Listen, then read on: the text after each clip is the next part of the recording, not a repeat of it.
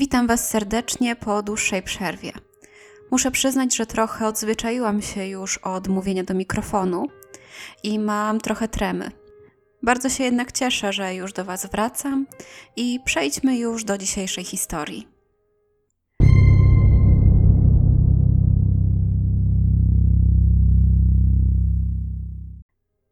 Morgan Nick urodziła się 12 września 1988 roku. Ta sześcioletnia dziewczynka mieszkała w Ozark w stanie Arkansas, małym malowniczym miasteczku. To miasteczko było naprawdę piękne. Było w niej bardzo dużo przyrody i natury. Morgan mieszkała wraz ze swoją mamą Colin i dwójką młodszego rodzeństwa trzyletnim Loganem i roczną Tyrin. Jej rodzice rozwiedli się zaledwie pół roku przed dniem, o którym będę dzisiaj opowiadać. W związku z tym ojciec Morgan, John, nie mieszkał z nią, jej matką i jej rodzeństwem. Mimo wszystko małżeństwo jej rodziców rozpadło się w dość przyjaznych stosunkach i ojciec wciąż istniał w życiu dzieci. W tle nie było żadnej walki o prawa do dzieci czy nic w tym stylu. Morgan była dość nieśmiałą dziewczynką wobec ludzi, których nie znała, ale w stosunku do znajomych była bardzo radosna. Uwielbiała rozśmieszać ludzi i miała zaraźliwy uśmiech. Mimo, że miała zaledwie 6 lat, była już starszą siostrą dwójki swojego rodzeństwa i bardzo poważnie traktowała tą rolę. Dopiero co uczyła się czytać, jednak co wieczór próbowała czytać bajki na dobranoc młodszemu bratu. Morgan opisywana jest jako typowa mała dziewczynka, taka, która uwielbiała gumę do rzucia i kolor różowy. Jej mama opowiadała o niej później. Kochała koty. Miała kociaka, którego adoptowała ze schroniska. Oddała całe serce temu kotu i co noc spał w jej łóżku. Kiedy dorastała, zawsze mówiła, że chce być artystką cyrkową i lekarzem. Gdy Morgan była w pierwszej klasie, Przyjaciele próbowali ją namówić, aby dołączyła do nich w lekkoatletyce. Dziewczynka zrezygnowała jednak po zaledwie jednym treningu. Podobno nie zdawała sobie sprawy, jak męczące może być bieganie i wprost nienawidziła się pocić. Zamiast lekkoatletyki poprosiła więc swoją mamę, aby zapisała ją do skautek. Siedzenie wewnątrz jakiegoś pomieszczenia, plastyka i rzemiosło znacznie bardziej jej odpowiadało. Morgan wprost uwielbiała być harcerką. Pewnego czerwcowego dnia 1995 roku przyjaciele Colin, czyli mamy Morgan, zaprosili ją na mecz małej ligi. Ci przyjaciele Colin mieli dziecko, które brało udział w tym meczu. A sam mecz miał mieć miejsce w Almie, około 30 minut jazdy od Ozark. Takie wydarzenia w Almie wręcz zbierały całą społeczność i przyciągało tłumy. Rodzice, przyjaciele i rodziny chętnie przychodzili, aby oglądać swoje dzieci. A sama Alma była małym miasteczkiem, niewiele większym od Ozark. Alma znana jest z tego, że jest światową stolicą szpinaku. Jest w niej mnóstwo pomników papaja, a firma, która ma tam siedzibę, produkuje ponad połowę szpinaków USA. Colin zgodziła się przyjechać na mecz i postanowiła wziąć ze sobą swoją najstarszą córkę Morgan. Najwyraźniej Colin uznała, że pozostałe dzieci są zbyt małe, aby wziąć udział w takim wydarzeniu. I dodatkowo był to dobry pretekst do spędzenia trochę czasu z samą Morgan. Taki wieczór matki z córką. Jak możemy sobie wyobrazić, pewnie odkąd pojawiło się na świecie dwoje innych dzieci, Morgan zeszła trochę na drugi plan. Co oczywiście nie oznacza, że Colin przestała ją kochać czy coś takiego, ale po prostu młodsze dzieci potrzebują znacznie więcej uwagi, a sześcioletnia Morgan była przy nich znacznie bardziej samodzielna. Tak więc 9 czerwca 1995 roku Colin i Morgan pojechały na mecz. Colin zaparkowała samochód na parkingu, który przelegał do boiska, i wkrótce ona i jej córka dołączyły do jej przyjaciół na trybunach. Mecz miał zacząć się o 21. Jak można sobie wyobrazić, mecz zaczął dosyć szybko nudzić małą Morgan. Dziewczynka zajęła się więc rozwiązywaniem sznurowadeł swojej matki, gdy ta nie patrzyła, A Colin udawała, że tego nie widzi i że jest zszokowana tym, że cały czas jej buty są rozwiązane. Mimo, że oczywiście doskonale wiedziała, że to Morgan rozwiązuje jej buty, a nawet gdyby tego nie widziała, śmiech małej dziewczynki ją zdradzał. Niedługo po przyjeździe Morgan zobaczyła dwójkę dzieci, które znała. Rodzeństwo, ośmioletnią Jessikę i dziesięcioletniego Taja. Dzieci zapytały Morgan, czy chce się z nimi pobawić, jednak ta powiedziała, że woli zostać na trybunach ze swoją mamą. Przez następną godzinę Morgan siedziała na trybunach ze swoją matką i oglądała mecz. Z biegiem czasu zaczęła się jednak coraz bardziej nudzić i była coraz bardziej niespokojna. W końcu około 22.30 słońce już zaszło i Jessica i Taj ponownie wrócili na trybuny i spytali dziewczynkę, czy chce z nimi połapać świetliki. Tym razem Morgan chciała już z nimi się pobawić i zapytała swoją mamę, czy ta wyraży na to zgodę. Colin powiedziała jednak swojej córce, że nie uważa tego za zbyt dobry pomysł. Było już ciemno, gra niedługo miała się skończyć, a sama Morgan nie znała tego parku. Morgan zaczęła jednak błagać swoją mamę, aby pozwoliła jej na to, i dodatkowo przyjaciele Colin zaczęli ją zapewniać, że jest to całkowicie bezpieczne, że okolica jest naprawdę bardzo bezpieczna, a dzieci cały czas bawią się na parkingu. Powiedzieli jej również, że jest zbyt nadopiekuńcza. Tak więc w końcu Colin zgodziła się na to, aby Morgan poszła ze swoimi przyjaciółmi połapać świetliki. Dziewczynka szybko ją uścisnęła, ucałowała i pobiegła do innych dzieci. Colin wciąż miała jednak złe przeczucia. W końcu się jednak trochę odprężyła, gdy okazało się, że może widzieć miejsce, w którym bawi się jej córka, z miejsca, w którym siedzi. Wystarczy, że odwróci się, tak aby nie patrzeć na boisko, tylko na parking za boiskiem i już widzi swoje dziecko. Było to tylko jakieś 45 metrów od niej.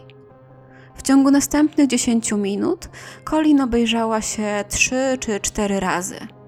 Za każdym razem Morgan była w tym samym miejscu. W końcu mecz skończył się około 22.45. Trybuny przeszła fala wiwatów i wszyscy zaczęli się podnosić i kierować się do wyjścia. To chwilowo rozproszyło Colin, która po chwili z powrotem spojrzała się na parking, jednak nie zobaczyła już tam swojej córki, a jedynie pozostałą dwójkę dzieci. To właśnie w tym momencie ogarnęła ją pierwsza fala paniki. Gdy Colin poszła na parking, zaczepiła Jessica i Taya i zapytała ich, gdzie jest Morgan. Dzieci odpowiedziały ich, że widzieli jak Colin stoi obok ich samochodu i próbuje usunąć piasek z tenisówek. Powiedzieli, że wydaje im się, że pewnie cały czas jest tam i czeka na swoją mamę. Jednak gdy Colin doszła do samochodu, nie zauważyła ani śladu swojej córki. Zaczęła okrążać samochód i próbowała nie panikować. Gorączkowo starała się wypatrzeć w tłumie swoją córkę. Dopiero po kilku sekundach zorientowała się, że Morgan po prostu zniknęła. Nie było to miejsce, w którym Morgan mogła się schować, był tam tylko parking i boisko. Dodatkowo Morgan nie była jakimś specjalnie żądnym przygód dzieckiem. Nie lubiła przebywać na świeżym powietrzu i panicznie bała się ciemności. Nigdy nie odeszłaby sama, co wykluczało, że mogła gdzieś zabłądzić. Jeśli nie ma jej tam i po prostu zniknęła, ktoś musiał ją zabrać. Colin tak wspomina to, co wtedy czuła. Samochody odjeżdżały, a ludzie byli wszędzie. Pamiętam, jak stałam przed moim samochodem, myśląc, jak wiele jest tutaj ruchomych części. Chciałabym, żeby wszyscy zamarli na chwilę, żebym mogła ją zobaczyć. W tym momencie jednak zaczęłam panikować. W tamtym czasie Colin nie miała jeszcze telefonu komórkowego, jednak zaczepiła kogoś, kto taki telefon miał i zadzwonił na policję, aby zgłosić zaginięcie dziewczynki. Policjanci przyjechali na miejsce już 6 minut później. Według Colin, mimo tego, że nie mieli dość dużo policjantów ani zasobów, aby szukać dziewczynki, tego pierwszego wieczoru zrobili naprawdę dużo i naprawdę bardzo się starali. Oczywiście policjanci szybko ustalili, że ostatnimi osobami, które widziały dziewczynkę, była Jessica i Tai. Postanowiono więc przesłuchać dzieci. Jessica i Ty powiedzieli policjantowi, że na parkingu był jakiś mężczyzna, który przyglądał im się, gdy próbowali łapać świetliki, a nawet zagadał do nich. Powiedzieli, że był przerażający. Ten mężczyzna i jego samochód zniknęli z parkingu w tym samym czasie, gdy zaginęła Morgan. Oczywiście dzieci w tamtym czasie nie mogły sobie zdawać sprawy ze znaczenia tego, co widziały. Jednak policjanci świetnie zdawali sobie sprawę, co mogło się stać. Wcześniej, tego samego dnia, jakiś mężczyzna w czerwonym pick-upie próbował porwać czteroletnią dziewczynkę z pralni samoobsługowej w Almie. Na szczęście matka dziewczynki szybko zorientowała się, co się dzieje i do porwania nie doszło. Kobieta wezwała policję, ale gdy przybyli na miejsce, mężczyzny już dawno tam nie było. Możliwe, że to właśnie ten sam mężczyzna był odpowiedzialny za porwanie Morgan. Co więcej, kolejnego dnia bardzo podobna sytuacja miała miejsce zaledwie 10 mil dalej, w Fort Smith. Jakiś mężczyzna próbował wciągnąć dziewięcioletnią dziewczynkę do męskiej toalety w sklepie spożywczym. Na szczęście dziewczynce udało się uciec. Później świadkowie powiedzieli policji, że ten mężczyzna prowadził czerwoną furgonetkę.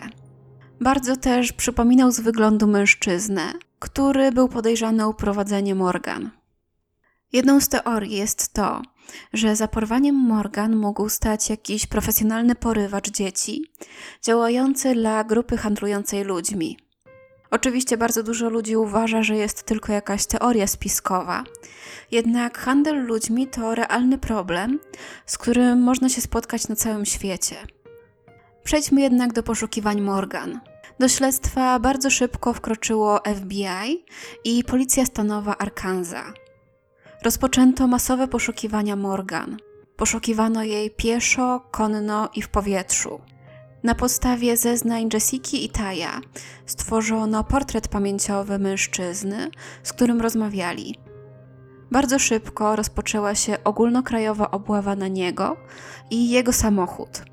Potencjalny porywacz został opisany jako mężczyzna w wieku od 23 do 38 lat. Mierzył jakiś 1,80 m i ważył około 80 kg. Miał ciemne włosy, wąsy i krótką brodę. Ubrany był w obcięte jeansowe shorty i miał owłosioną klatkę piersiową. Dzieci powiedziały, że miał akcent typowy dla wieśniaków. Tak więc można powiedzieć, że wyglądał jak jeden z milionów mężczyzn. Nie wyróżniało go właściwie nic szczególnego. To, co było najbardziej obiecującym tropem w tym śledztwie, to jego charakterystyczny samochód. Podczas tego meczu mnóstwo rodziców robiło zdjęcia swoim dzieciom. To właśnie dzięki jednemu z takich zdjęć opublikowana została fotografia, na której widać samochód mężczyzny. Jest ona jednak bardzo ziarnista i złej jakości. Niemniej widać, że jego samochód to stary czerwony Ford Pickup. Samochód możliwie miał uszkodzenia po prawej stronie z tyłu. Jego karoseria wyglądała na matową i starą, a tablica rejestracyjna prawdopodobnie pochodziła z Arkansas. Tak naprawdę nie wiadomo było nawet, czy to właśnie ten mężczyzna uprowadził Morgan. Był on jednak najbardziej obiecującym podejrzanym, jakiego miano. Tak więc śledczy poświęcili większość swoich zasobów na odnalezienie tego mężczyzny. Bardzo szybko detektywi zostali przydzieleni do przesłuchania rodziny Morgan, jej przyjaciół i 300 osób, które uczestniczyło w tym meczu. Oczywiście, jak we wszystkich tego typu śledztwach, przesłuchanie zaczęto od rodziców. Naturalnym podejrzanym szybko stał się John Nick, ojciec Morgan, którym Colin rozwiodła się zaledwie pół roku wcześniej. Niemniej jego relacje z byłą żoną były dosyć serdeczne i nie toczyła się między nimi walka o opiekę. Tak więc John bardzo szybko został wykluczony z grona podejrzanych. Nie było go na meczu i nie był w żaden sposób podobny do mężczyzny, którego widziały dzieci. Bardzo szybko społeczność małego miasteczka Alma skupiło się wokół rodziny Nick i robiła wszystko, co w ich mocy, aby pomóc w poszukiwaniach małej Morgan. Colin stanowczo odmówiła powrotu do domu w Ozark bez swojego dziecka. Tak więc ona i jej rodzina spędzili pierwsze sześć tygodni poszukiwań, mieszkając w remizie Ochotniczej Straży Pożarnej w Almie. Budynek ten zlokalizowany był dokładnie naprzeciwko komisariatu policji. Stał się również nieoficjalną bazą poszukiwań. W całej Almie wywieszono mnóstwo różowych wstążeczek, aby stale przypominać ludziom, że Morgan wciąż nie ma. Na każdym z budynków wywieszono również plakat informujący o tym, że Morgan zaginęła. Wraz z plakatami wywieszano również portret pamięciowy podejrzanego mężczyzny. Policja bardzo często organizowała konferencje prasowe, podczas których opowiadała o postępach w śledztwie i o tym, co aktualnie wiedzą. Utworzono również specjalną linię telefoniczną, na którą ludzie mogli dzwonić w dzień i w nocy. Zdjęcie Morgan było wszędzie na ulotkach, billboardach, w gazetach i w telewizji. Niestety wciąż nie było wiadomo, gdzie ona właściwie jest. Na policję zadzwoniły dziesiątki osób, które twierdziły, że widziały Morgan. W ciągu zaledwie pierwszego tygodnia poszukiwań prześledzono 247 raportów o czerwonym pick-upie, który był widziany w okolicy. Ludzie dzwonili z całego Arkansas, Teksasu i Oklahomy. Detektywi niestrudzenie badali każdą taką wskazówkę. Byli przekonani, że jeżeli znajdą ten samochód i jego kierowcę, bardzo szybko w ten sposób dojdą do małej Morgan. Niestety każdy trop, który prześledzili, okazywał się ślepą uliczką. Co więcej, zabezpieczono mnóstwo butelek, niedopałków papierosów i innych przedmiotów, które leżały na boisku i na parkingu. Podczas jednej z konferencji policjant powiedział: Mamy mnóstwo DNA z tych przedmiotów, ale nie wiemy, czy którykolwiek z nich jest naszym podejrzanym.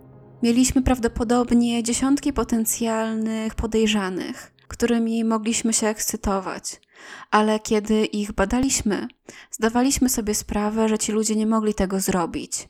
Nie mogę wprost zliczyć, ile psów użyliśmy do poszukiwań, ile studni przeszukaliśmy i ile dziur wykopaliśmy. Niestety żadne z tych działań nic nie przyniosło, co jest rozczarowujące, ale jednak całkiem normalne w takiej sprawie. Dwa tygodnie po zaginięciu małej Morgan, policja otrzymała telefon od mężczyzny Stuttgartu w stanie Arkansas, który powiedział, że jest pewien, że widział zarówno małą Morgan, jak i jej porywacza. Tym mężczyzną był niejaki Albert Hervey. Miał on pracować na swoim podwórku, kiedy zauważył mężczyznę, który próbował włamać się do jego ciężarówki. Kiedy ten mężczyzna zdał sobie sprawę, że ktoś go obserwuje, uciekł do lasu, ciągnąc ze sobą małą blond dziewczynkę. Albert zeznał, że ten mężczyzna, który próbował włamać się do jego samochodu, a następnie uciekł z dzieckiem do lasu, wyglądał dokładnie tak samo jak mężczyzna ze szkicu pamięciowego. A blond dziewczynką zdecydowanie była mała Morgan. Dla policji ten telefon wyglądał jak całkowity przełom w sprawie. Funkcjonariusze byli bardzo podekscytowani i natychmiast dziesiątki z nich pojawiło się na miejscu, jakieś 320 km od Almy. Albert Harvey był tak pewien, że dziewczynką była Morgan, że jej rodzice zostali przywiezieni na miejsce prywatnym odrzutowcem, tak aby mogli być na miejscu, gdy ich córka zostanie odnaleziona. Wytyczono obszar o powierzchni 15,5 km2 i rozpoczęto masowe poszukiwania. Użyto helikopterów Gwardii Narodowej, a funkcjonariusze przeszukiwali gęste zarośla za pomocą podczerwieni, psów poszukiwawczych i jednostek konnych. Również wprost niezliczeni wolontariusze włączyli się w poszukiwania. Poszukiwania nie były jednak łatwe. Tego dnia było okropnie gorąco i wilgotno. Wszędzie wprost groiło się od komarów. Pomimo tych wyczerpujących warunków, przez ponad 16 godzin prowadzono poszukiwania. Ostatecznie nie znaleziono jednak niczego ani nikogo. Gdy mijały kolejne godziny, John i Colin byli oczywiście coraz bardziej niespokojni, a detektywi coraz bardziej podejrzliwi.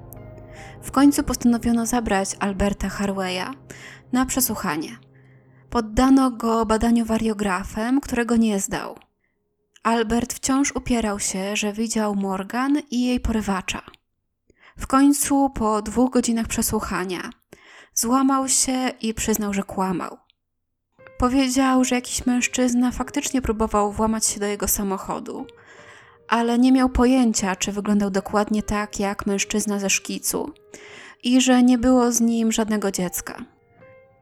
Na te poszukiwania zmarnowano tysiące dolarów, godziny pracy funkcjonariuszów i wolontariuszy. Dla rodziców i rodziny Morgan ponownie pojawiła się nadzieja, która bardzo szybko zgasła. Jednak, co chyba najbardziej frustrujące, Albert wydawał się całkowicie nie doceniać powagi tego, co zrobił. Powiedział policjantom, że dał się trochę ponieść emocją i przeprosił osoby, które przeszukiwały teren za to, że musiały znosić te wszystkie komary. Tak, to właśnie komary wydawały mu się w tym wszystkim najgorsze. Ostatecznie mężczyzna został aresztowany i oskarżony o złożenie fałszywych zeznań. Zrozpaczona Colin i John wrócili z powrotem do Almy bez swojego dziecka. W końcu przyszedł sierpień, trzy miesiące po zaginięciu Morgan i liczba tropów stale malała. Policjanci obiecali, że nie przestaną pracować nad tą sprawą, dopóki nie znajdą dziewczynki, jednak naturalnie sprawa coraz bardziej schodziła na dalszy plan. Detektywi nadal sprawdzali każdy trop, który otrzymywali, jednak żaden z nich nie przybliżył ich nawet do odnalezienia Morgan. Profilerzy FBI wierzyli, że możliwym jest, że porywacz był zawodowym porywaczem i że sprzedał dziewczynkę na czarnym rynku.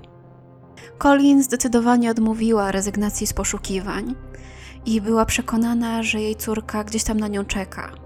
Po zaginięciu Morgan, dopiero cztery dni później, powiedziała reszcie swoich dzieci, że ich siostra zaginęła. Oczywiście rodzeństwo Morgan miało zaledwie rok i trzy lata, więc byli zbyt małymi dziećmi, aby zrozumieć to, co się dzieje. Co wręcz łamiące serce, trzyletni Logan nie potrafił zrozumieć, jak to się stało, że jego matka zgubiła jego siostrę i kazał jej wyjść i ją znaleźć. Bał się, że ludzie, z którymi jest teraz Morgan, mogą być dla niej podli. Martwił się, że będą na nią krzyczeć i że nie zabiorą jej na pizzę. Dla tego trzyletniego chłopca było to najgorsze, co mógł sobie wyobrazić. Ostatecznie w 1997 roku Colin przeprowadziła się do Almy. Tam kupiła nowy dom, jednak przeniosła tam również wszystkie rzeczy Morgan i zorganizowała jej sypialnię w większości bez zmian w porównaniu do poprzedniego domu. Nigdy nie straciła nadziei, że jej córka kiedyś wróci do domu. FBI i lokalna policja zaoferowała nagrodę w wysokości 60 tysięcy dolarów za wskazanie miejsca pobytu Morgan, jej porywacza lub za przekazanie jakiejś informacji, która pomoże w rozwiązaniu tego zaginięcia. W 2001 roku opublikowano uaktualniony portret pamięciowy podejrzanego. Opublikowano również progresję z wiekową Morgan, która pokazywała, jak dziewczynka mogłaby wyglądać w wieku 12 lat. Następnie w styczniu 2002 roku pojawiła się całkiem nowa wskazówka. Trop ten skłonił policję do przeszukania nieruchomości w hrabstwie Logan w stanie Arkansas. Policjanci nie podali do wiadomości publicznej żadnych szczegółów tej wskazówki. Powiedzieli jedynie, że jest ona na tyle konkretna, że uważają, że to przeszukanie jest uzasadnione. Na miejsce przywieziono psy poszukiwawcze i spędzono tam cały dzień na kopaniu różnych sekcji, jednak ostatecznie niczego nie znaleziono. O 21.30 policjanci skończyli poszukiwania i oświadczyli, że nie zamierzają wracać więcej na ten teren. Kilka lat później na facebookowym profilu Departamentu Policji Alma Arkansas opublikowano wpis o treści. To była ciężarówka mojego dziadka, którą prowadził mój wujek. Niestety moi dziadkowie pozbyli się dowodów, tak jak zawsze. Historia mojego wujka jest pełna oskarżeń o molestowanie i gwałty. Mam pół tuzina bezpośrednich członków rodziny, którzy za to ręczą. Nasza rodzina próbowała to zgłosić w przeszłości, ale nikt nigdy nie skontaktował się z nikim z nas. Mężczyzna w opisie to bez wątpienia mój wujek. Mężczyzna, który to napisał, zamieścił również zdjęcie swojego wujka obok szkicu głównego podejrzanego o zaginięcie Morgan. Tego typu wpisów było znacznie więcej w mediach społecznościowych, jednak żaden z nich nie przyczynił się do odnalezienia Morgan. W listopadzie 2010 roku FBI przeszukało pusty dom w Spiro w stanie Oklahoma. Zrobili to po otrzymaniu wskazówki od jakiegoś anonimowego informatora. Spiro znajdowało się jakieś 65 km od Almy, a dom, który przeszukiwali, należał kiedyś do mężczyzny skazanego za molestowanie dzieci. Mężczyzna ten w tamtym czasie przebywał w więzieniu. Śledczy nie mieli nic, co łączyłoby tego mężczyznę z zaginięciem Morgan, ale mimo to postanowili przeszukać dom w poszukiwaniu ewentualnych dowodów DNA. Takich, które mogłyby świadczyć o tym, że Morgan kiedykolwiek w nim była. Niestety nie odkryli niczego związanego ze sprawą. Trzeba też podkreślić, że mieli nakaz, który upoważniał ich do szukania jedynie wewnątrz domu. Dwa lata później, w sierpniu 2012 roku, Tonia Smith i James Monhart, dwoje wcześniej skazanych przestępców, zostali aresztowani po próbie przejęcia tożsamości Morgan. Nie uważa się jednak, aby w jakikolwiek sposób byli związani z zaginięciem dziewczynki. W grudniu 2017 roku śledczy wrócili do domu w Spiro, 7 lat po pierwotnym przeszukaniu. Tym razem mieli jednak nakaz pozwalający im szukać na całej posesji, a nie jedynie wewnątrz domu. Ich poszukiwania skupiły się na studni, znajdującej się na terenie posesji. Przez 10 godzin przekopywali ten teren, zanim doszli do wniosku, że nic nie uda im się tam znaleźć. Oficjalnie powiedzieli, że te przeszukiwania nie mają nic wspólnego ze sprawą Morgan. W 2018 roku pojawiło się nowe nazwisko w tej sprawie Edward Kit Renegar. Edward był głównym podejrzanym w sprawie morderstwa Pameli Felkins w 1990 roku. Mężczyzna zmarł w 2002 roku. Na swoim koncie nie miał żadnych oskarżeń o molestowanie dzieci, ale jednak może być brany pod uwagę w sprawie Morgan z trzech powodów. Po pierwsze, jednym z jego pojazdów była czerwona ciężarówka. Po drugie, po odbyciu 10-miesięcznego wyroku za porwanie, został zwolniony z więzienia w maju 1995 roku miesiąc przed zaginięciem Morgan. Po trzecie, w czasie zaginięcia Morgan mógł być w pobliżu. Jak już mówiłam, mężczyzna nie żyje, tak więc nie można było go przesłuchać ani postawić przed sądem. Tak naprawdę nie ma żadnych więcej informacji na temat tego tropu. W kwietniu 2021 roku w lokalnej telewizji wyemitowano dokument o Morgan Nick, Niestety nie udało mi się obejrzeć tego dokumentu, ponieważ nie znalazłam go nigdzie w internecie.